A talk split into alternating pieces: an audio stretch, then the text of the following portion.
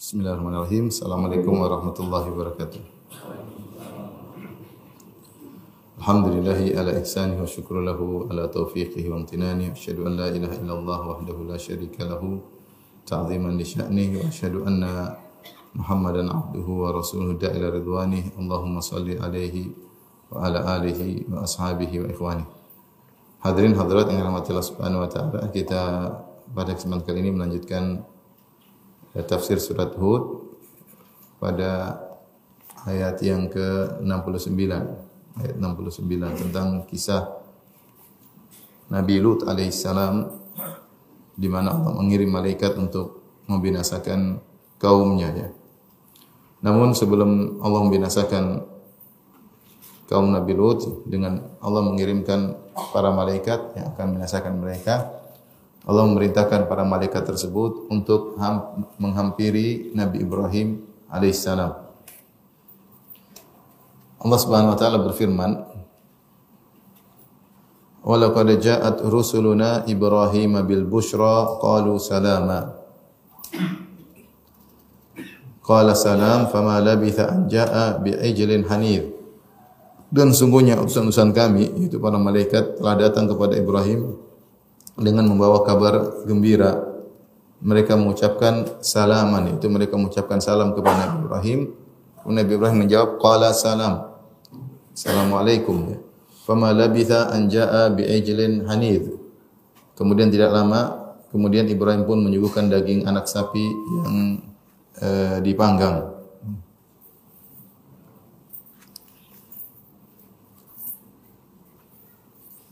Kemudian kata Allah Subhanahu wa taala, "Falamma ra'a aydiyahum la tasilu ilaihi nakirahum wa awjasa minhum khifah, qalu la takhaf inna ursilna ila qaumi Lut."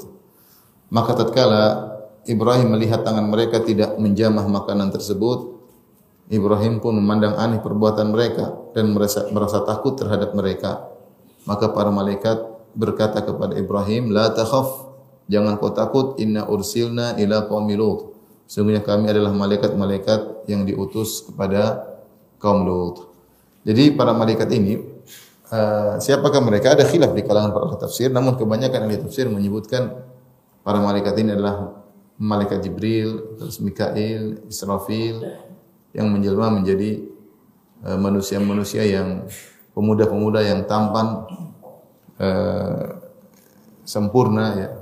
Ada yang mengatakan jumlah mereka tiga, ada yang mengatakan jumlah mereka Sembilan, Allah alam bisawab yang jelas tidak datang dalil yang sahih dari Al-Quran maupun hadis-hadis Nabi yang sahih yang jelaskan siapa para malaikat ini.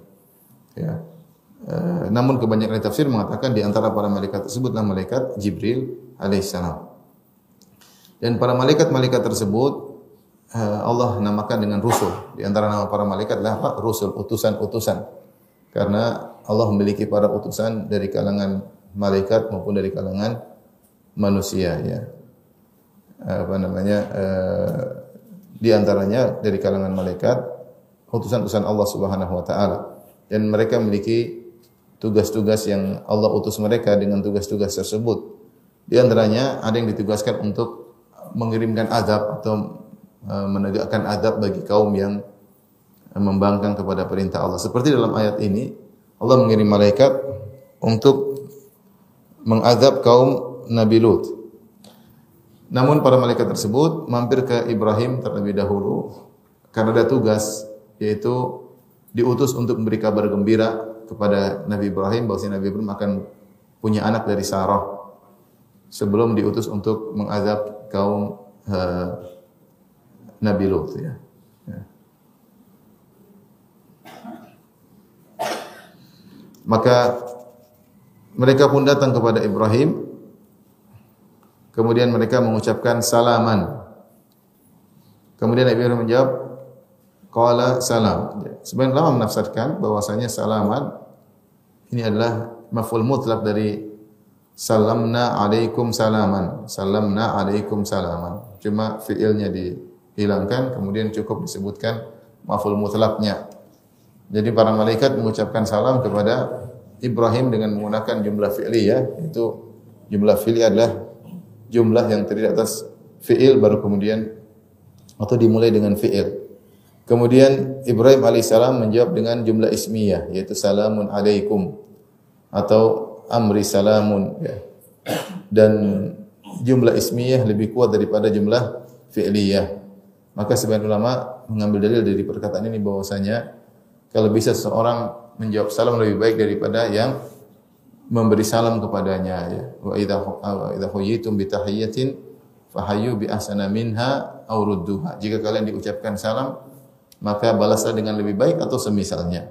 Para malaikat mengucapkan salam dengan jumlah fi'liyah dijawab oleh Nabi Ibrahim dengan jumlah ismiyah dan jumlah ismiyah menunjukkan atas menunjukkan atas kepada istimrariyah yaitu kesinambungan. Adapun jumlah fi'liyah tidak menunjukkan akan hal tersebut sebagaimana dibahas dalam ilmu bahasa Arab ya. Tapi intinya Nabi Ibrahim menjawab salam dengan lebih baik daripada salam yang diucapkan oleh para malaikat tamu-tamu tersebut. Dan ini dalil bahwasanya salam dulu sebelum kalam. Jadi kalau seorang bertemu ucapkan salam dulu sebelum berbicara, sebelum ngobrol. Fama labitha an ja'a bi hanif. Dan Ibrahim alaihissalam kebiasaannya adalah menjamu tamu. Ketika datang tamu-tamu yang beliau tidak kenal ini dan beliau menyangka tamu-tamu tersebut adalah manusia. Karena malaikat menjelma dengan sempurna menjadi manusia. Sehingga tidak terbetik dalam benak Ibrahim sama sekali para malaikat manusia-manusia ternyata para malaikat. Tidak terbetik sama sekali. Benar-benar Ibrahim menyangka ini manusia-manusia biasa. Dan kebiasaan beliau adalah menjamu tamu. Ketika tamu-tamu ini datang maka Ibrahim segera ya segera uh, menyiapkan santapan dengan menyembelih sapi kecil kemudian beliau panggang hanif beliau panggang kemudian beliau hadirkan di hadapan para malaikat Hanif adalah salah satu jenis masakan ya. Ada yang mengatakan itu dimasak dimasak di atas batu yang panas tidak terkena api secara langsung ya. Ada yang mengatakan dimasukkan dalam satu uh, digali lubang kemudian intinya ini salah satu jenis masakan dipanggang sapi dipanggang dengan cara panggang yang khusus untuk dihidangkan kepada para malaikat. Jadi ini dalil bahwasanya Ibrahim alaihissalam di antara sifat yang mulia adalah ikramud dhaif, memuliakan apa? tamu, memuliakan tamu. Banyak sisi yang menunjukkan bagaimana Nabi Ibrahim memuliakan tamu. Pertama, ini menunjukkan kebiasaan beliau. Beliau tidak membedakan tamu yang satu dengan tamu yang lain. Sehingga beliau mempersiapkan uh, makanan untuk tamu-tamu tersebut ya.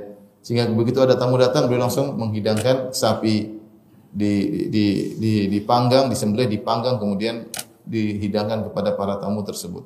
Dan kita tahu bahwasanya menyembelih sapi, mengulitinya, kemudian manggangnya ini butuh waktu. Ini butuh waktu dan butuh uh, kerjaan. Namun Ibrahim dengan semangat karena memuliakan tamu, mencari pahala di sisi Allah Subhanahu wa taala, maka beliau melakukan itu uh, semua. Kemudian dan ini menunjukkan kebiasaan beliau. Sehingga tamu yang datang beliau siapkan. Yang kedua, tamu ini ternyata tamu yang tidak pernah dikenal oleh uh, Nabi Ibrahim sebelumnya ya. Jadi bukan tamu yang dikenal. Ini baru pertama kali Nabi Ibrahim ketemu mereka dan langsung dimuliakan. Dalam ayat yang lain salamun qaumum munkarun, keselamatan bagi kaum yang tidak dikenal. Artinya Nabi Ibrahim asing bagi Nabi Ibrahim alaihissalam ya. Ini menunjukkan kemuliaan Nabi Ibrahim alaihissalam di mana beliau menjamu tamu yang beliau beliau belum pernah kenal sebelumnya dan belum pernah berbuat baik kepada beliau sebelumnya ya. Kita kalau ada orang pernah jamu kita mungkin kita balas jamuannya dengan baik. Ini ini Nabi Ibrahim tidak pernah ketemu dengan mereka ya. Se, se artinya makanya Ibrahim mengatakan kaum mungkarun, kaum yang asing, tapi langsung dimuliakan dengan pemuliaan yang luar biasa.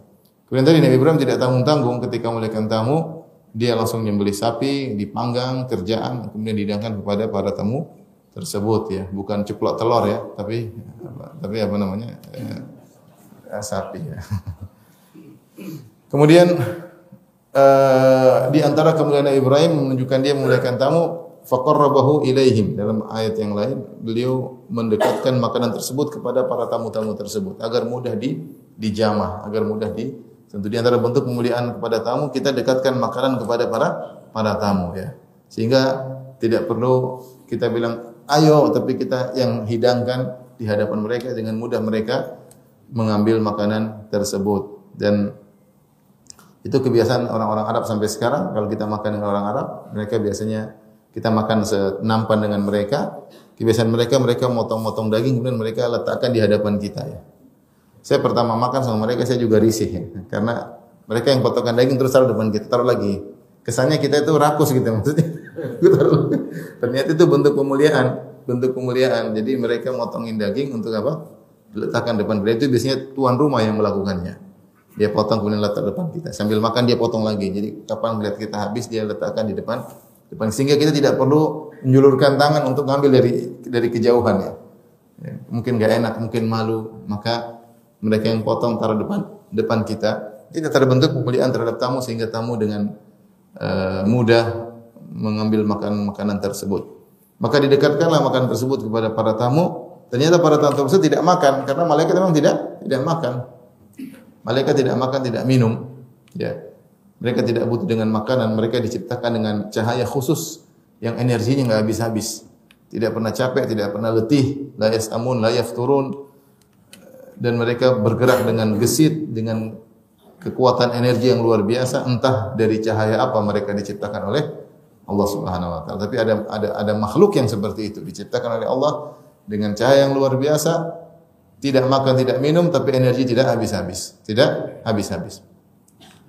Ketika Nabi Ibrahim melihat tangan mereka tidak menjamah makanan tersebut, maka beliau pun takut. Falamma ra'a aydihum la tasilu ilaihi nakirahum. Tatkala Nabi Ibrahim melihat tangan mereka tidak menjamah makanan tersebut, Ibrahim merasa aneh dengan perbuatan mereka. Wa aujasa minhum khifah. Akhirnya hal ini menimbulkan rasa takut dalam Ibrahim, hati Ibrahim terhadap mereka. Para malaikat melihat Nabi Ibrahim ketakutan. Orang ketakutan terlihat dari apa namanya wajahnya, dari perkataannya, ya, terekspresikan dari luar. Dan malaikat sadar, malaikat tahu Ibrahim ketakutan. Maka mereka berkata, "La takhaf inna ursilna ila qaumi Jangan kau takut wahai Ibrahim, sungguhnya kami ini malaikat diutus kepada kaum Nabi Nabi Lut. Akhirnya malaikat buka kartu, kami ini bukan manusia, kami ini apa? Malaikat. Tapi yang menakjubkan artinya malaikat menjelma dengan sempurna. Menjelma jadi manusia dengan penjelmaan yang luar luar biasa. Dan ini sering dilakukan oleh malaikat Jibril menjelma menjadi Dihya al-Kalbi, menjelma menjadi Arab Badui. Ya, di antaranya sebagaimana pendapat ahli tafsir, malaikat menjelma menjadi tamu-tamu Nabi Ibrahim dan benar-benar menjadi manusia yang uh, seorang yang melihat tidak menyangka kali itu apa? Malaikat. Sebagaimana Ibrahim alaihissalam tidak menyangka sehingga dia menghidangkan makan untuk malaikat-malaikat tersebut. Ketika Nabi Ibrahim ketakutan, maka malaikat berkata, "Inna ursilna ila qaumi Lut." Jangan khawatir, tujuan mereka untuk menangkan Ibrahim. Semuanya kami diutus kepada kaum Nabi Lut. Wa imra'atuhu qa'imatun fadhahikat. Istrinya Sarah sedang berdiri, fadhahikat kemudian tertawa atau gembira. Fabasyarnaha bi Ishaq wa min wara'i Ishaq Yaqub. Dia gembira karena tahu ternyata para malaikat tersebut tidak tidak tamu-tamu tersebut tidak membawa keburukan. Ternyata tamu-tamu tersebut utusan apa? Allah. Dan diutus untuk kaum Nabi Nabi Lut untuk membinasakan membinasakan mereka. Ada dua pendapat di kalangan para ulama. Ada yang mengatakan wa qa'imah, istrinya Sarah berdiri di balik tabir mendengar pembicaraan uh, suaminya Ibrahim alaihissalam dengan tamu-tamu tersebut. Ya, karena dia Eh, siap mungkin disuruh ambil apa, disuruh ambil apa ya. Sambil minum kayak sehingga dia siap di balik tabir untuk melayani apa? Melayani tamu-tamu tersebut. Ini kerjasama yang indah antara suami dan istri dalam menjalankan ketaatan dalam melayani tamu karena melayani tamu butuh butuh kerjaan baik suami maupun apa maupun istri ada yang mengatakan dia berdiri di balik tabir. Ada pendapat mengatakan tidak. Sarah ikut melayani tamu tersebut. Ibrahim ada dan dia di depan tamu-tamu tersebut ikut melayani apa? Eh, tamu-tamu tersebut bersama suaminya Ibrahim alaihissalam. Dan ketika melihat apa namanya suaminya ketakutan, Sarah pun takut dan demikianlah namanya seorang istri dia khawatir dengan kekhawatiran apa? Suaminya, dia bahagia dengan kebahagiaan apa? Suaminya maka di antara disebutkan ciri-ciri istri soleha al-muwatiyah yaitu yang berusaha untuk sinkron dengan eh, suaminya, adaptasi dengan kondisi suaminya. Kalau suaminya lagi bergembira dia ikut apa? Bergembira, suaminya lagi sedih dia ikut apa? Sedih ya. Jangan suaminya lagi sedih dia ketawa-ketawa ya. Jangan suaminya lagi ketawa-ketawa dia menangis-nangis. Enggak enggak nyambung ya.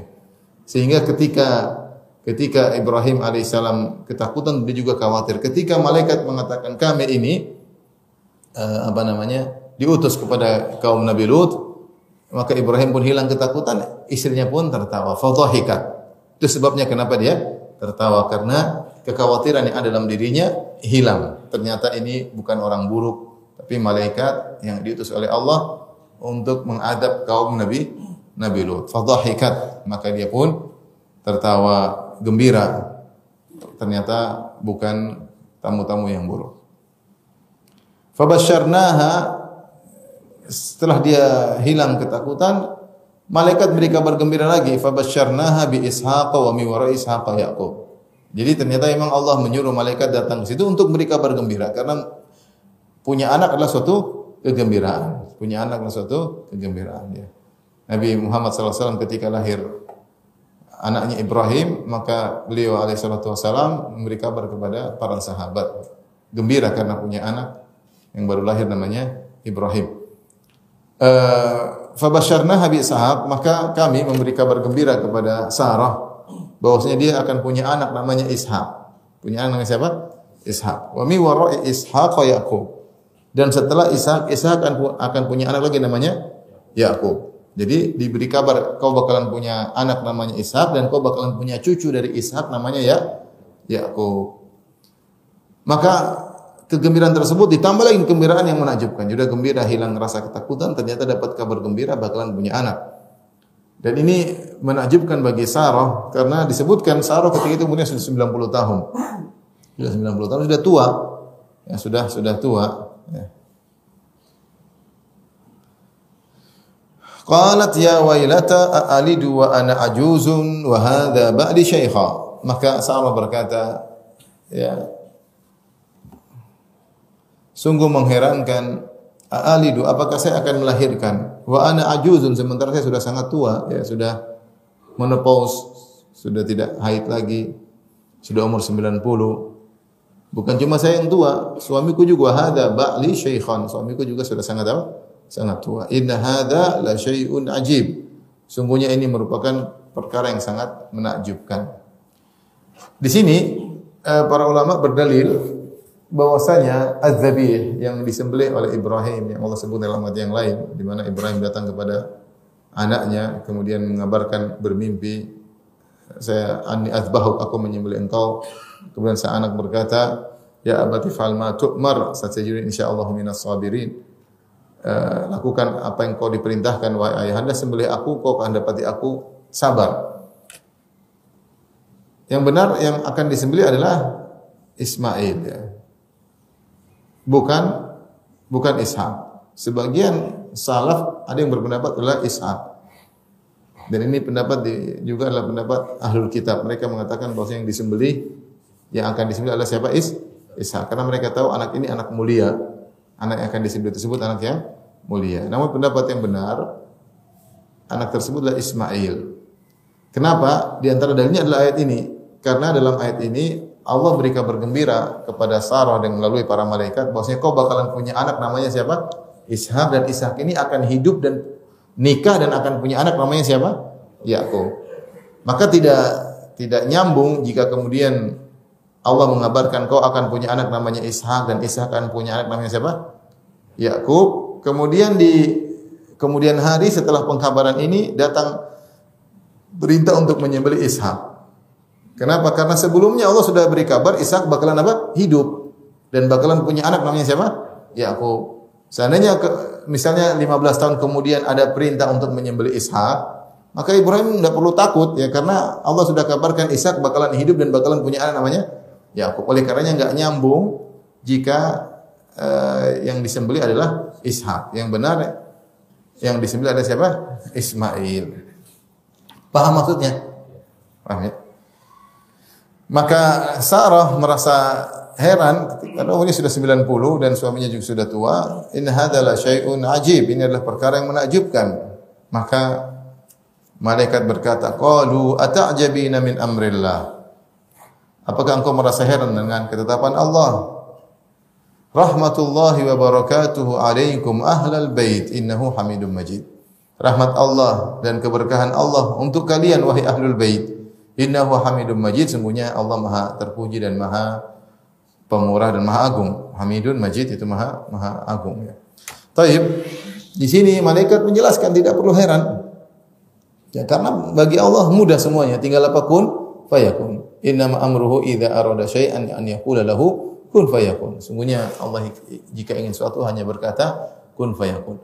Kenapa Sarah heran? Karena sebab-sebab untuk menimbulkan akibat enggak ada. Namanya orang kalau punya anak, wanita tersebut tidak boleh menopause ya. Dia masih berproduksi, dia masih punya sel telur, ovum untuk dibuahi, baru bisa punya anak. Kalau sudah menopause, sudah tidak haid lagi, terus bagaimana cara terjadi pembuahan? Artinya sebab untuk punya anak nggak ada. Makanya dia mengatakan amrun syai'un ajib, aneh. Ya, tapi tidak ada yang susah bagi Allah Subhanahu wa taala. Allah bisa menciptakan manusia tanpa ayah dan ibu seperti Adam alaihissalam. Allah bisa menciptakan manusia tanpa wanita seperti Hawa diambil dari tulang rusuk siapa? Adam. Allah bisa menciptakan manusia tanpa ayah seperti Nabi Isa alaihissalam ya. Dan apalagi seperti ini Allah ada ayah ada ibunya cuma nggak ada sel telurnya. Mudah bagi Allah untuk menciptakan sel telur ovum dalam rahim sang wanita kemudian hamil dan melahirkan anak ya. Namun ini perkara yang menakjubkan karena sebab untuk punya anak tidak ada. Sebabnya pertama sudah menopause, kemudian sudah tua, eh, Ibrahim juga sudah sudah tua. Maka para malaikat mengingatkan, "Ata'jabina min amrillah?" Apakah heran dengan keputusan Allah? Rahmatullahi barakatuh alaikum ahlul bait. Rahmat Allah dan keberkahan bagi kalian wahai ahlul bait.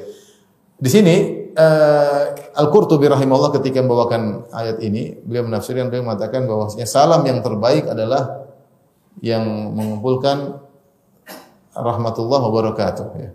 Assalamualaikum warahmatullahi wabarakatuh. Tidak ada salam yang lebih daripada ini. Ketika Ibnu Abbas sudah dalam kondisi tidak bisa melihat, ada seorang dari Yaman, Yamani datang mengucapkan salam. Dia mengatakan, Assalamualaikum warahmatullahi wabarakatuh. Kemudian dia tambah lagi yang lain. Wa wa wa. Maka Ibnu Abbas menegur dengan mengatakan, salam yang paling puncak sampai pada wabarakatuh. Tidak perlu ditambah-tambah. Yang paling baik, Assalamualaikum warahmatullahi wabarakatuh. Ya, tidak usah tambah-tambah lagi wa ini wa anu wa ini enggak perlu. Oleh karenanya para malaikat ketika uh, mendoakan uh, ahlul bait Nabi Ibrahim, dia sudah mengucapkan salam, kemudian dia mengucapkan lagi rahmatullahi wa barakatuhu alaikum ahlul bait. Jadi ada assalamnya, ada rahmatnya, ada apa? keberkahannya. Ini ucapan salam yang paling sempurna. Nah, Perkataan para malaikat ini rahmatullahi wa barakatuhu alaikum ahlal bait ini ada dua tafsiran ada yang mengatakan ini adalah pengkhabaran bahwasanya rahmat telah turun kepada kalian keberkahan telah turun kepada kalian wahai keluarga Ibrahim. Ada yang mengatakanlah doa dari para malaikat bahwasanya akan turun rahmat dan keberkahan bagi kalian wahai ahlul bait. Allah alam bisawab uh, dua-duanya punya pendalilan ya punya hujah ya Eh, yang jelas mereka telah dirahmati, telah diberkahi. Kalau ini maknanya adalah doa, maksudnya akan datang rahmat yang lain dan keberkahan yang lain yang akan uh, meng, uh, apa, turun kepada kalian. Di antara kalian akan punya anak. Di antaranya kalian akan punya punya anak. Sehingga perkataan para malaikat ini adalah doa. Atau perkataan para malaikat ini adalah pengkhabaran bahwasanya kalian selalu diliputi rahmat dan diliputi oleh keberkahan dari Allah Subhanahu wa taala. Kemudian para malaikat berkata ahlal bait. Keberkahan dan rahmat bagi kalian ahlul bait. Ahlul bait di sini mencakup Ibrahim dan istrinya Sarah. Terutama konteks dari ayat ini, konteks dari ayat ini malaikat sedang berbicara kepada istrinya Ibrahim. Iya atau tidak? Yang mengatakan ini aneh, yang bilang ini aneh siapa? Ibrahim atau Sarah? Sarah. Kemudian malaikat menimbali, "Atak jabina min amrillah." Kenapa kau heran? Rahmat Allah dan keberkahannya kepada kalian wahai ahlul bait. Jadi malaikat sedang fokus berbicara kepada istrinya siapa? Ibrahim itu Sarah. Sehingga jelas dalam ayat ini bahwasanya Sarah termasuk ahlul bait Ibrahim. Ahlul baitnya Nabi Ibrahim adalah istrinya Sarah. Sehingga dijadikan dalil oleh para ulama bahwasanya seluruh istri-istri Nabi adalah ahlul bait Nabi-nabi tersebut. Seluruh istri-istri Nabi adalah ahlul bait tersebut. Ini bantahan terhadap orang Syiah Rafidah yang ingin menyatakan Ahlul Bait hanya terbatas kepada uh, kepada Fatimah, Ali, Hasan dan Hussein. Fatimah, Ali dan Hasan Hussein radhiyallahu taala anhum. Tidak benar, justru Ahlul Bait itu di antara lafal Ahlul Bait masuk di dalamnya siapa? Para is istri. Makanya kalau kita baca surat Al-Ahzab, Allah tentang tentang uh, eh, apa namanya? itu hirakum ahlal bait apa uh, dalam ayat itu uh, kami ingin menghilangkan ke, ke, ke apa kenajisan dari kalian wa yutahhirakum tathira ya dan kami dan Allah ingin membersihkan kalian dengan sebersih-bersihnya sini adalah fal ahlal bait masuk dalamnya istri-istri Nabi sallallahu alaihi wasallam bahkan konteks dalam surat Al-Ahzab tersebut dari awal sampai akhir terkait dengan istri-istri Nabi sallallahu alaihi wasallam oleh karenanya di antara ahlul bait Nabi sallallahu alaihi wasallam adalah istri-istri Nabi sallallahu alaihi wasallam. Buktinya dalam ayat ini para malaikat berbicara kepada Sarah istri Nabi Ibrahim dan menamakan istri Nabi Ibrahim itu Sarah dengan ahlul ahlul bait ya. Makanya sebagian orang Syiah mengkafirkan istri-istri Nabi sallallahu alaihi wasallam. Mereka mengkafirkan Aisyah, mereka bukan ahlul ahlul bait. Bukan ahlul bait yang benar istri-istri Nabi adalah ahlul bait. Innama yuridullahu yudhhiba ankum rijsa ahlal baiti wa yutahhirakum tathira. Dalam surat Al-Ahzab. Sungguhnya Allah ingin bersihkan kalian wahai ahlul bait dari kotoran dan membersihkan kalian dengan sebersih-bersihnya. Ahlul bait itu maksudnya di antaranya istri-istri Nabi sallallahu alaihi wasallam apalagi konteks dalam surat Al-Ahzab dari awal sampai akhir terkait dengan istri-istri Nabi sallallahu alaihi wasallam. Taib, innahu Hamidum Majid. Sungguhnya Allah Maha terpuji dan Maha Agung. Ini pembahasan khusus Maha terpuji. Itu Allah Maha terpuji dalam segala keputusannya, dalam segala perbuatannya, dalam segala takdirnya semua terpuji. Entah kita tahu hikmahnya atau tidak kita ketahui, tapi jelas semua keputusan Allah, perbuatan Allah ter terpuji. Termasuk di antaranya Allah Subhanahu wa taala tidak memberikan kepada mereka anak Sarah kecuali setelah mereka tua ini pun terpuji. Ada hikmah yang Allah kehendaki. Semua keputusan Allah di mana tentu Sarah ingin punya anak dari dulu. Sarah punya ingin punya anak. Dan Nabi Ibrahim sudah berdoa ya ingin punya anak ya. Tetapi uh,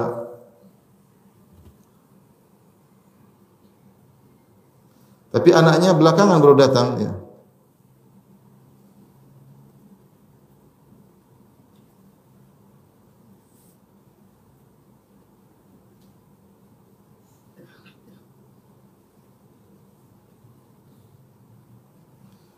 Bismillah.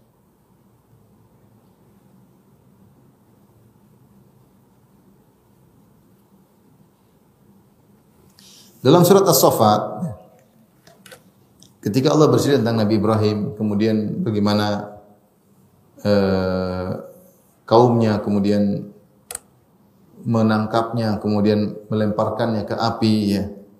Mereka ingin membunuh Nabi Ibrahim kata Allah fa'aradu bi kaidan faja'alnahumul asfalin. Mereka ingin membuat makar pada Ibrahim ternyata mereka yang kalah. Kemudian Nabi Ibrahim akhirnya pergi terusir dari kaumnya. Dia berkata qala inni dhahibun ila rabbi sayahdin aku akan pergi menuju kepada Rabbku dia akan beri petunjuk kepadaku kemudian dia berdoa Rabbi habli minas salihin ya Allah anugerahkanlah kepada aku agar punya anak yang saleh fabasyarnaha bi gulamin halim kami pun beri kabar gembira kepadanya dengan seorang anak yang halim, seorang anak yang sabar, yaitu Ismail. Paham? Taib. Antara doa Nabi Ibrahim sampai punya anak Ismail lama atau tidak? Lama. Ibrahim keluar masih fatan. Sami'na fatan yadhkuruhum. Dia masih muda. Kemudian nikah dengan Sarah, enggak punya anak. Sampai akhirnya Sarah diberi hadiah siapa? Hajar berkunik-kunik dengan Hajar atas saran Sarah kemudian punya anak Ismail. Jadi puluhan tahun maksudnya Nabi Ibrahim berdoa Rabbi habli minas sholihin. Kita doa para nabi dikabulkan atau tidak? Dikabulkan. Tapi pengkabulan tidak harus langsung. Pengkabulan tidak harus apa? Langsung. Rabbi habli minas sholihin. Ya Allah anugerahkan aku anak yang soleh. Ternyata Ismail baru lahir ada yang mengatakan ketika Ibrahim umurnya 80. Jadi kalau dia masih muda, taruhlah masih muda umur 30, 20 lah kemudian baru punya anak umur 80 berarti berapa puluh tahun menunggu? 60 tahun. Paling tidak 50 tahun menunggu baru bisa punya anak namanya siapa? Is Ismail. Demikian juga Saro tentunya berdoa juga. Namun dia punya anak setelah Saro berumur berapa? 90 90 tahun. Ya. Dan Ibrahim hampir 100 tahun, hampir 100 tahun. Baru punya anak kedua namanya Is Ishak. Dan semua itu Allah mengatakan innahu hamidun majid. Sungguhnya Allah Maha terpuji. Maha terpuji dalam segala keputusannya. Di antara keputusan Allah adalah menunda Sarah punya anak sampai dia berusia berapa? 90 tahun. Di balik penundaan tersebut ada hikmah. Ada hikmah yang mungkin dan kita tidak tahu apa hikmahnya, tapi pasti per, ketetapan Allah itu pasti ter, terpuji. Paham? Pasti terpuji. Jadi di antara makna hamid yaitu Allah Maha terpuji. Apa pun yang Allah kerjakan, apa yang Allah tetapkan, apa yang Allah takdirkan kepada kita, kelihatannya buruk, Allah terpuji. Tidak ada ketetapan Allah yang tidak terpuji. Ini mengantarkan seorang senantiasa husnudzon kepada Allah Subhanahu wa taala, berbaik sangka kepada Allah Subhanahu wa taala, meyakini apa pun yang Allah tetapkan baginya itu Allah Maha terpuji. Dan ini penting ketika kita di mendapat takdir yang kita tidak suka ya. Terkadang kita tidak suka. Dan dalam kehidupan ini banyak yang tidak sesuai dengan keinginan kita. Banyak atau sedikit? Banyak yang tidak sesuai dengan keinginan kita. Mau kaya enggak kaya-kaya, miskin melulu. Misalnya, siapa yang tidak ingin kaya, tapi ternyata tidak kaya-kaya. Mau sehat ternyata sakit tidak sembuh-sembuh. Ya, banyak hal. Ya. Kejadian apa kondisi kita. Ya. Tapi kita selalu mengatakan innahu hamidun majid. Allah Maha terpuji segala keputusannya sampai menunda lahirnya Ishak sampai Sarah tua itu pun Allah Maha terpuji. Falamma dhahaba an Ibrahim ar-ra'u wa ja'atuhu al-busyra yujadiluna fi qaumi Lut. Tatkala Ibrahim rasa takutnya sudah hilang, kemudian telah datang kabar gembira bahwa dia akan punya anak yang namanya Ishak, bahkan punya cucu namanya Yakub. Yujadiluna fi qaumi Lut. Maka kemudian dia pun mendebat kami tentang masalah kaum Nabi Lut. Itu para ulama mengatakan Nabi Ibrahim adalah halim ya. Dia uh, di sini sebutkan uh, karena dia kasihan sama kaum Nabi Lut. Itu seakan-akan dia mengatakan nanti jangan dulu diazab ya. Jangan dulu di diazab nanti ya. Di sana ada Lut ya. Intinya apa namanya? Uh, dia apa punya kasih sayang. Nabi Ibrahim itu luar biasa ya. Sampai dia tidak pernah mendoakan keburukan kepada kaumnya. Bapaknya usir dia pun dia tidak doakan keburukan mau diancam rajam oleh bapaknya dia pun tetap salamun alaikum salamun alaik selamatan bagi engkau wahai ayahku. Satu negeri tangkap dia kemudian dibakar di hadapan umum pun dia tidak balas dendam. Dia tidak berdoa ya Allah hancurin itu mereka. Tidak ada sama sekali. Dia mengatakan saya akan pergi menuju Allah Subhanahu wa taala. Orangnya luar biasa. Hatinya benar-benar apa? Idza rabbahu biqalbin salim Ketika dia bertemu Allah dengan hati yang bersih, tidak ada dongkol, tidak ada dendam, tidak santai Ibrahim alaihissalam.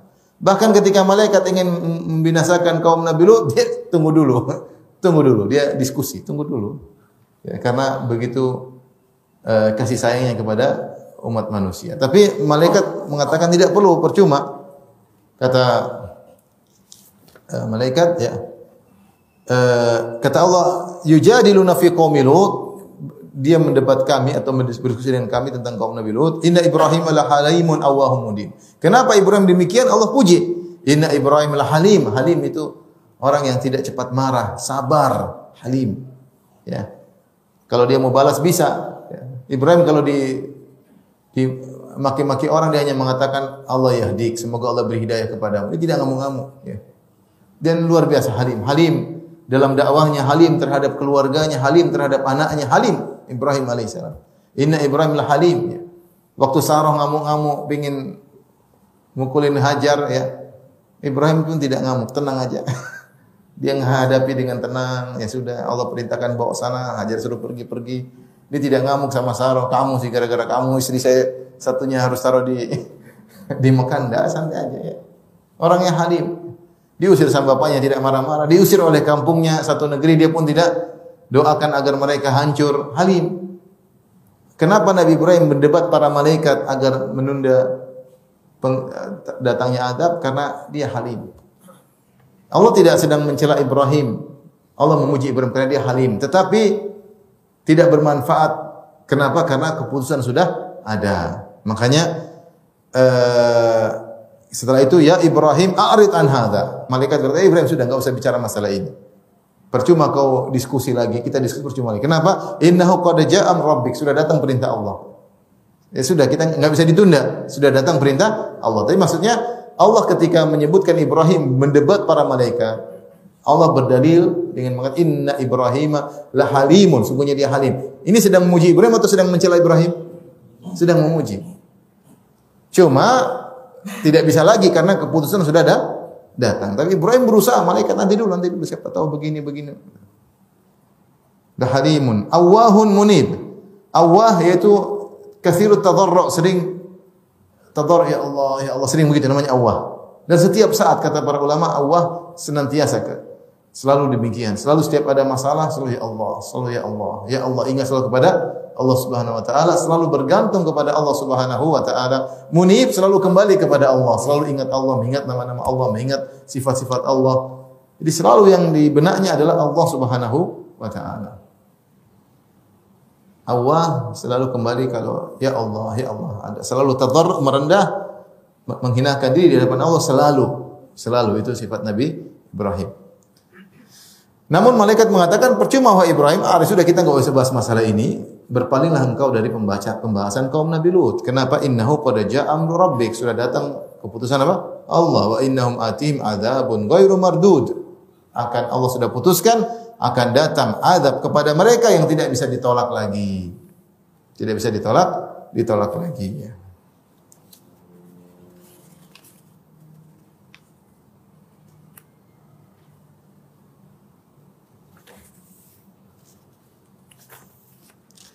Taib, kita lanjutkan bagaimana Allah membinasakan kaum Nabi. Setelah para malaikat menjalankan tugas mereka, jadi mereka diutus dengan dua tugas. Tugas pertama mereka bergembira kepada Ibrahim akan lahirnya akan bahwasanya anaknya akan lahir namanya Ishak dan cucunya akan lahir namanya Yakub. Tugas berikutnya membinasakan apa? Kaum Nabi Nabi Lut. Setelah itu mereka pergi menuju kaum Nabi Lut. Uh, Nabi Lut alaihissalam disebut oleh sejarah adalah ponakannya Ibrahim. Ponakannya siapa? Ibrahim. Dan Ibrahim tinggalnya di Palestina di tengah-tengah negeri Syam.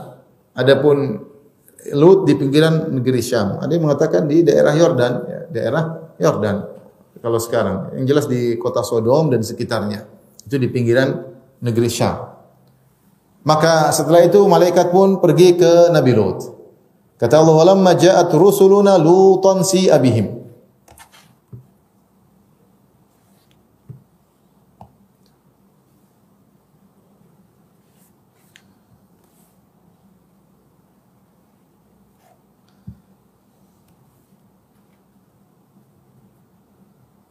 Ayat 77 ya.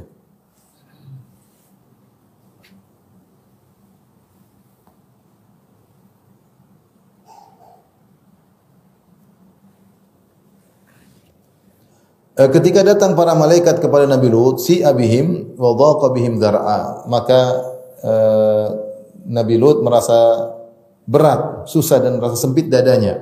Wa bihim dar'a ini ungkapan bahasa Arab yang menunjukkan bihi kalau dikatakan si fulan bihi dzar'a yaitu sudah di puncak kesulitan dia sudah berusaha namun dia tidak bisa menghadapinya. Itu masalah di luar kemampuannya. Sebut dengan bihi dzar'a. Masalah problem sudah di luar kemampuannya. Kenapa? Masalahnya ini malaikat ganteng-ganteng semua. Repot. Ini datang ganteng semua, datang bertamu. Satu kampung semuanya homoseksual.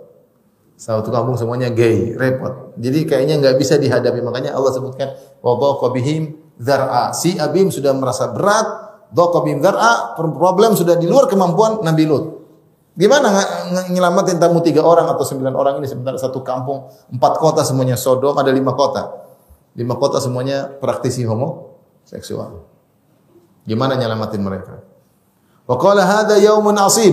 Maka Nabi Lut berkata ini hari yang sangat berat. Gimana yang tamu-tamu ini? Dan Nabi Lut sama, dia juga memuliakan apa tamu, tidak ingin tamunya di, diganggu. Sama, sebagaimana Ibrahim alaihissalam tidak tahu ini adalah para malaikat, Nabi Lut juga tidak tahu, menyangka ini manusia biasa. Manusia yang tampan-tampan, ganteng-ganteng, gagah-gagah, sempurna ketampanan mereka. Sementara satu kampung semuanya homo. Dan istrinya ketika datang tamu-tamu tersebut berkhianat ya. Sebagaimana Allah sebutkan ya. Daraballahu mathal alladziina kafaru imra'atan Nuh Lut kanat tahta abdaini min ibadin salihin fa khanatahuma. Istri Nabi Lut berkhianat dan istri Nabi Nuh berkhianat. Pengkhianatan istri Nabi Lut selain dia kafir, dia mengabarkan kepada kaumnya bahwasanya ada tamu-tamu tampan datang ke rumah suami. Ada yang mengatakan bahwasanya istri Nabi Lut adalah penduduk setempat.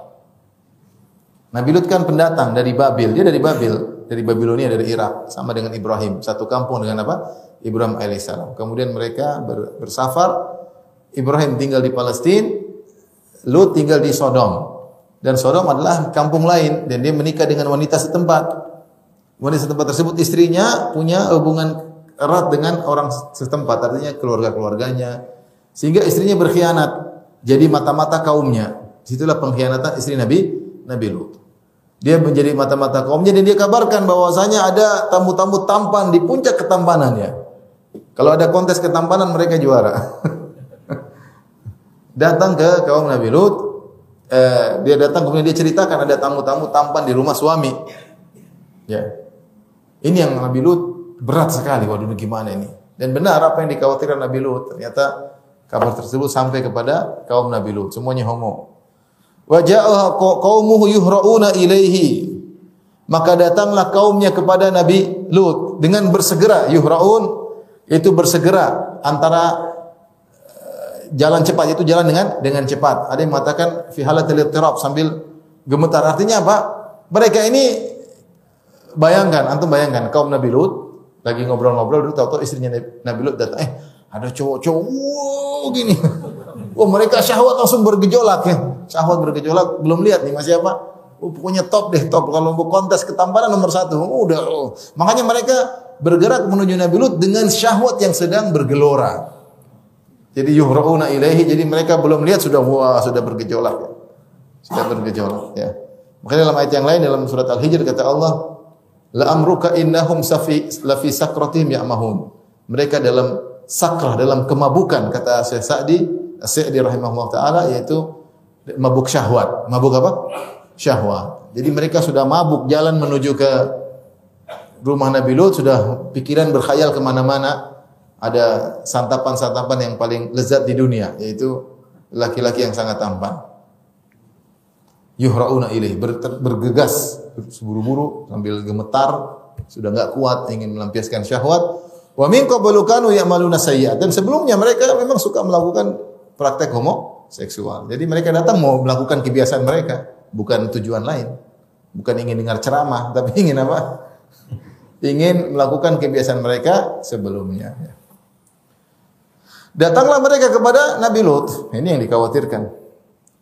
Maka Nabi Lut berkata, Qala ya qaumi haula'i banati hunna atharu lakum. Wahai kaumku, ini putri-putriku kalau kalian mau yang baik menikahlah dengan mereka. Ini mereka lebih suci bagi bagi kalian.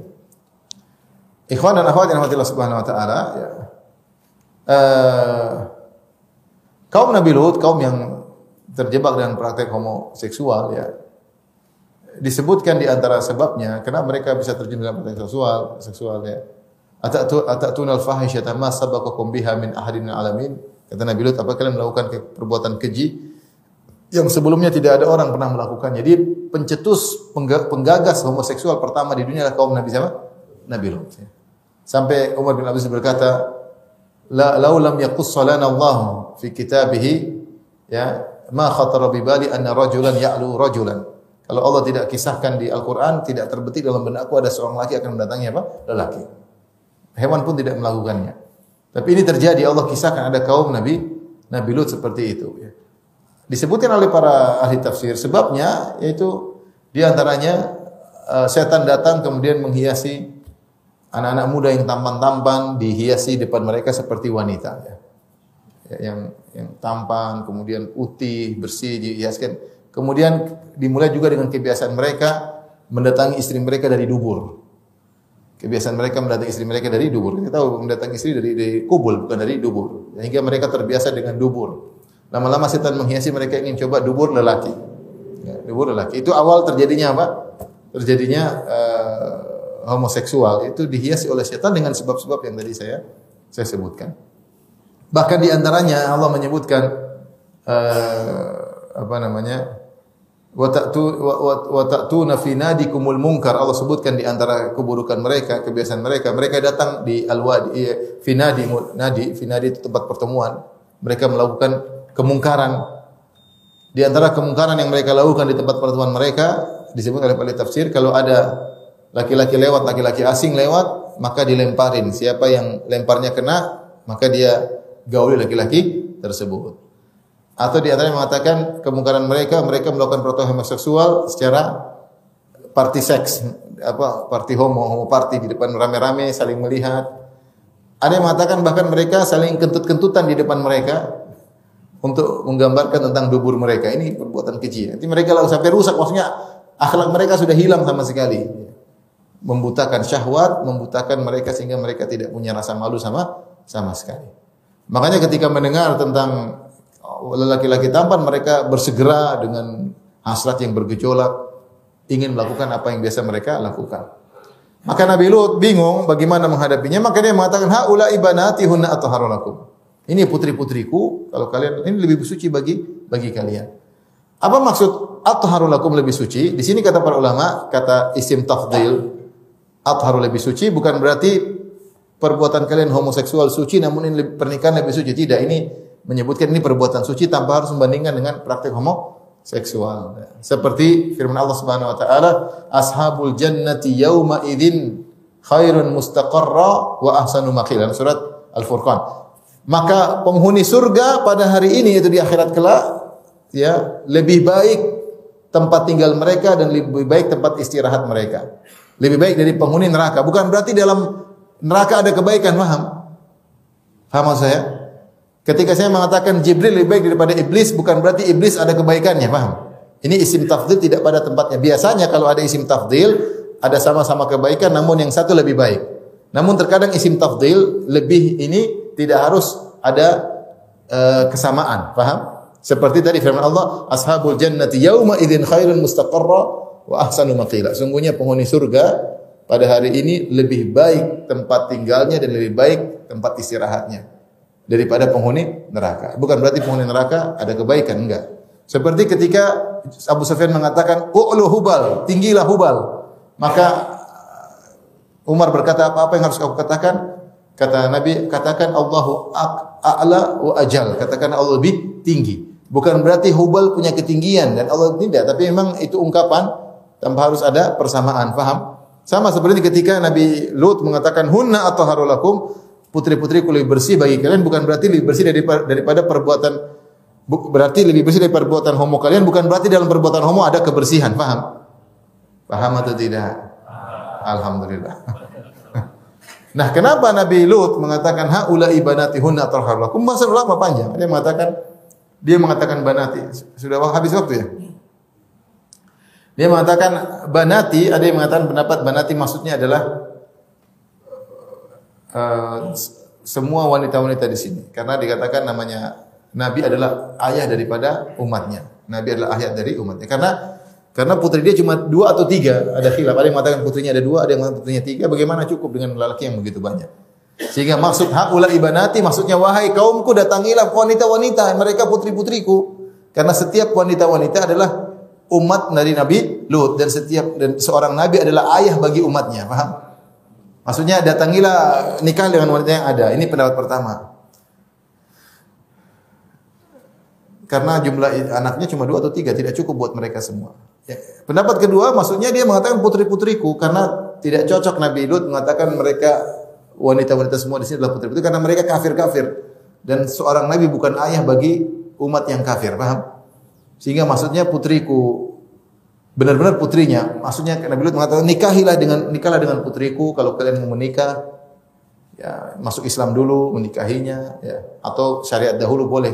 Artinya lebih lebih baik ya daripada terjerumus dalam perbuatan yang fahisyah, menikah dengan nikah yang benar itu diperbolehkan. Lakukanlah perbuatan yang suci, jangan perbuatan yang keji. Dan Timbul pertanyaan kok Nabi Lut menawarkan putrinya untuk orang kafir maka ulama menjelaskan seperti Al-Qasimi mengatakan Nabi Lut tahu mereka tidak bakalan mau sama putri-putrinya. Cuma Nabi Lut ingin menampakkan di hadapan tamunya bahwasanya eh, saya sudah berusaha nih membela kalian tapi saya enggak punya kekuatan. Saya sudah tawarin mereka nikah dengan putri-putriku namun mereka tidak tidak mau. Artinya begitu dia menjaga perasaan tamunya dia ingin menunjukkan bahwasanya saya sudah membela kalian dengan sebela-belanya, sebesar-besarnya, bahkan saya tawarkan putri saya untuk nikah dengan mereka, namun mereka bakalan tidak mau. Ya. Dan untuk mengingatkan kepada mereka bahwasanya perbuatan mereka perbuatan kotor. Kalau mau menikah dengan cara yang yang baik. Hunna atharu lakum. Fattaqullaha wa la tukhzuni fi dhaifi. Bertakwalah kepada Allah, jangan melakukan perbuatan keji. Kalau kalian tidak mau takwa kepada Allah, jangan permalukan aku di hadapan tamu-tamuku. Taruh taruhlah kalian tidak ini kan saya tuan rumah, saya punya hak untuk memuliakan apa para tamu. Kalian punya tamu juga kalian hargai, maka hargai saya, jangan permalukan saya di depan apa? tamu-tamu. Jadi dia sebutkan dua hujah. Bertakwa supaya kalian tidak mengganggu tamu-tamu atau kedua paling tidak jangan bikin malu saya di depan apa? Tamu-tamu. Praktek semua soal sana, jangan jangan sama tamu-tamu sini, tamu-tamu saya ya. Kalian mau maksiat sana, jangan sama tamu-tamu saya. Alaysa minkum rajulun rasyid? Tidakkah di kalian ada yang yang apa? Yang cerdas? Maka mereka menjawab. Qalu laqad alimta ma lana fi banatika min haqq wa innaka la ta'lamu ma nurid. Mereka berkata, sungguh kau telah tahu wahai Lut, kami tidak punya hajat, tidak punya hasrat sama anak-anak putri-putrimu. Wa innaka la ta'lamu ma nurid. Kau tahu kami pingin ini ganteng-ganteng ini, kami tidak mau. Kami enggak mau wanita, kami mau dubur lelaki, kami mau ini. Subhanallah. Ini orang sudah syahwat, fitrah sudah berubah, setan menghias kemaksiatan ya. Jadi indah di depan mata mereka. Ketika itu Nabi Lut berkata, "Qala law anna li bikum quwwatan aw awi ila ruknin syadid." Seandainya saya punya kekuatan untuk menghadapi kalian atau saya punya sandaran yang kuat yaitu punya kabilah. Jadi Nabi Lut sedih dia tidak bisa mencegah kemungkaran. Perbuatan homoseksual, perbuatan yang keji. Apalagi mereka mau melakukan homo sama tamu-tamunya. Seandainya saya punya kekuatan menghadang kalian, aku akan melakukan. Ini sering diungkapkan oleh seorang mukmin melihat kemungkaran dia nggak bisa apa-apa. Nggak bisa apa Kalau saya punya kekuatan, kalau saya punya kekuasaan, mungkin saya akan larang. Nggak bisa apa-apa. Atau kalau saya punya kabilah yang kuat, saya akan bisa menolong tamu-tamuku. Jadi dia menyebutkan kata-kata ini dengan kesedihan. Lau anna li bikum kuwatan au awi ila ruknin syadid. Kalau seandainya saya punya kekuatan uh, untuk menghadapi kalian atau saya puji bersandar kepada kabilah yang yang kuat. Ya, kabilah yang kuat. Ketika menyampaikan hal ini dalam hadis riwayat Bukhari, Nabi Muhammad wasallam mengomentari ayat ini dengan berkata, "Yarhamullahu laqad kana syadid." Semoga Allah merahmati Nabi Lut. Sungguhnya dia mengatakan seandainya saya punya sandaran yang kuat, Nabi Muhammad berkata, justru dia telah bersandar kepada sandaran yang kuat. Yaitu siapa? Allah subhanahu wa ta'ala. Justru dia telah bersandar kepada sandaran yang kuat. Lebih kuat daripada kabilah-kabilah. Di antaranya para malaikat itulah akan membinasakan kaumnya. Akhirnya ketika Nabi Lut ketakutan dan ketakutan, akhirnya malaikat buka kartu. Qalu ya Lutu inna rusul rabbika la yasilu ilaik. Jangan khawatir, kami ini malaikat. Mereka enggak bakalan bisa menyakitimu, membawa keburukan kepada dirimu. Tenang aja. Fasri bi ahlika bi qata'in min al-lail wa la yaltafit minkum ahadun illa imra'atak. Maka bawa keluar keluargamu di malam hari. Dan jangan seorang pun dari kalian nengok-nengok ke belakang kecuali istrimu akan tertinggal. Innahu musibuha ma asabahum. Dia akan ditimpa musibah yang akan menimpa kaumnya. Inna mau'idahum subuh dan mereka akan ditimpa dengan azab di pagi hari. Alaysa subuh biqarib? Bukankah subuh itu sebentar lagi? Ya, bukankah subuh sebentar lagi. Jadi jadi mereka datang minta masuk ke rumah Nabi Lut. Nabi Lut bilang jangan. Ayo buka gedor-gedor pintu kata Nabi Lut jangan. Nabi Lut tutup pintu dia bilang, "Eh, jangan jangan minta mau ya, ya buka buka." Akhirnya akhirnya malaikat bilang, "Lut, minggir. Kami ini malaikat, minggir. Biar mereka masuk." Begitu ke mereka masuk, mereka lihat tampan-tampan ya Fatamasna ala ayunihim. Allah bikin mata mereka tertutup. Ada yang mengatakan mata mereka hilang, tinggal kulit doang. Jadi mereka sebenarnya sebagian orang diadab di puncak-puncak kenikmatan, lagi di puncak-puncak kesenangan tiba-tiba di diadab. Akhirnya mereka ketika dibutakan mata mereka kabur, mereka kabur, kabur pulang sana. Akhirnya para malaikat berkata, setelah mereka kabur semua, kata para malaikat, sudah Nabi Lut, mereka tidak akan bisa mengganggumu. Jangan kau sampai pagi mereka nggak bisa ganggu. Kami malaikat, kami akan menjagamu. Nanti malam kau keluar bersama uh, keluargamu. Ya. Waktu keluar tersebut disebutkan dalam Ayat yang lain ya, najainahum bisahar. Kami selamatkan mereka di waktu sahur. Jadi suruh keluar di waktu sahur untuk keluar meninggalkan kampungnya. Kemudian kata Allah, e, keluarlah bersama keluargamu wattabi adbarahum. Biar anak-anakmu di depan, kamu di belakang. Wala yaltafit minkum ahadun. Jangan sampai ada yang nengok ke belakang. Wamdu haitsu tu'marun. Berjalanlah di mana kalian diperintahkan. Jadi malaikat bilang, tenang, aja, nanti waktu sahur kamu keluar, terus kamu jalan di bagian belakang. Hati-hati anakmu jangan nengok-nengok ke ke belakang. Nabi Lut sudah jengkel sama kaumnya. Kenapa enggak sekarang saja adab? Kenapa harus subuh? Kata malaikat, innahu musibuha, istrimu tidak akan selamat. Dia akan tertimpa musibah di pagi hari bersama kaumnya. Kata Nabi Lut, kenapa enggak sekarang aja? Kata para malaikat, alaisa subuhu biqarib. Bukankah subuh sebentar lagi? Tenang aja. Ada waktunya. Udah jengkel.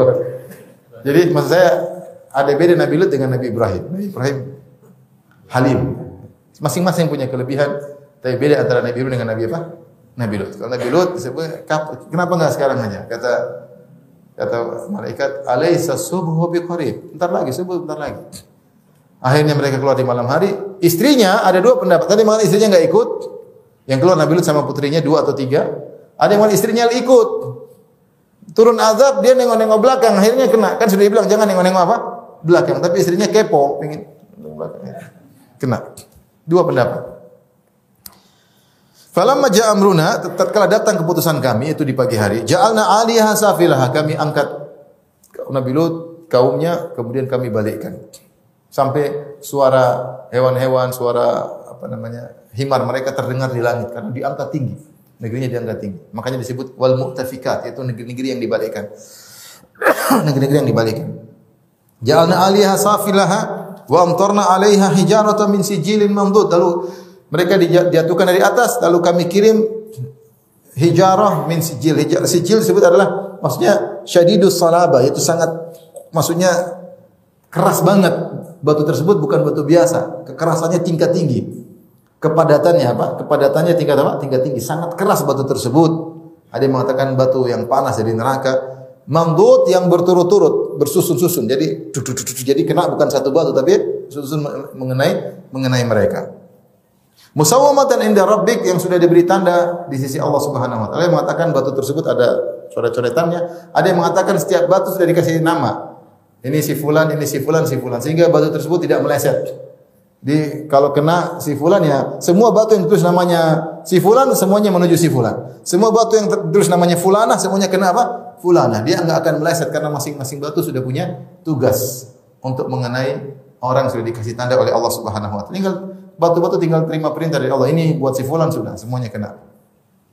Wa ma hiya minadh dhalimin ba'id dan azab seperti ini tidak jauh dari orang yang melakukan perbuatan kezaliman.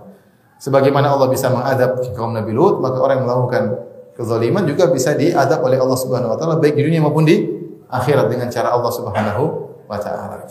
Namun demikianlah hikmah Allah Subhanahu wa taala. Tidak semua orang melakukan maksiat lalu Allah azab. Kalau setiap ada yang maksiat kena azab, semua orang beriman, itu tidak. Kalau setiap ada orang perokok homoseksual langsung mati, semua orang masjid penuh tiap hari. Tapi demikianlah dunia ujian. Betapa sering orang melakukan kezaliman tidak diadab. Iya tidak? Bahkan orang melakukan kezaliman semakin jaya. Dunia ujian. Bahkan dalam peperangan saja Nabi Muhammad SAW pernah terluka dalam perang Uhud. Seandainya selalu menang, tidak ada orang munafik. Paham? Tidak ada nilai ujian. Dunia diciptakan untuk apa? Di, diuji.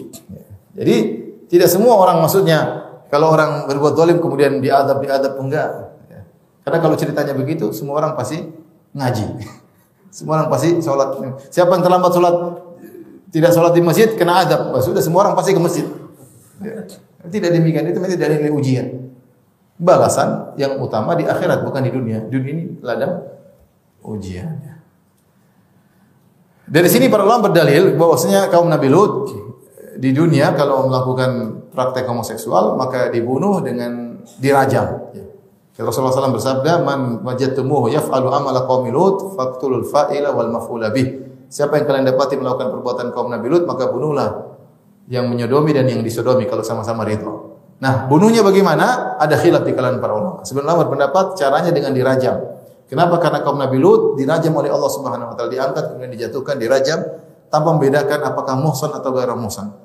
Kalau orang berzina beda, yang sudah pernah menikah yang dirajam, kalau berzina yang belum pernah menikah dicambuk. Tapi kalau homoseksual sudah menikah atau belum menikah sama-sama di dirajam sampai mati. Ini pendapat sebagian ulama. Inilah perbuatan kaum Nabi Lut yang menjijikkan tapi sekarang menjadi trendy pada sebagian negara jadi trendy, menjadi kebanggaan. Bahkan ada parade gay sebagian negara ada parade gay.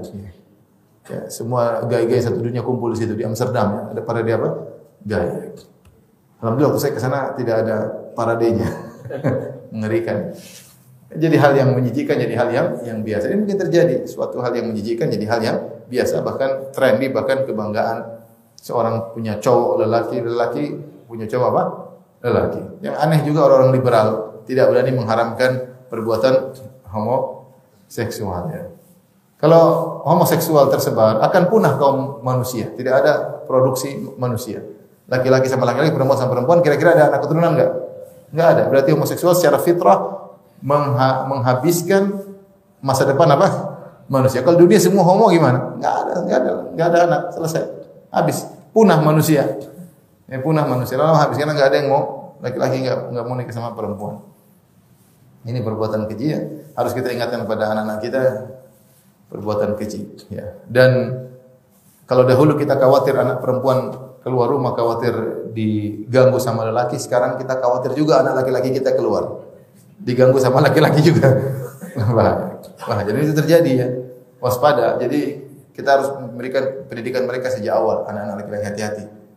Karena ini penyakit menular penyakit menular. Makanya yang yang terkena penyakit homoseksual bukan Sodom aja, ada kota Sodom dan kota-kota di sekitarnya. Kata Allah wal muhtafikat, negeri-negeri yang Allah balikan. Karena asalnya cuma di kota Sodom kemudian menyebar kepada kabupaten-kabupaten sekitarnya. Jadi ini penyakit menular ya. Wallahu taala alam bisawab demikian saja. Kita lanjutkan insyaallah kesempatan yang lain. Subhanakallah bihamdik asyhadu an la ilaha illa anta astaghfiruka wa atubu ilaik. Assalamualaikum warahmatullahi wabarakatuh.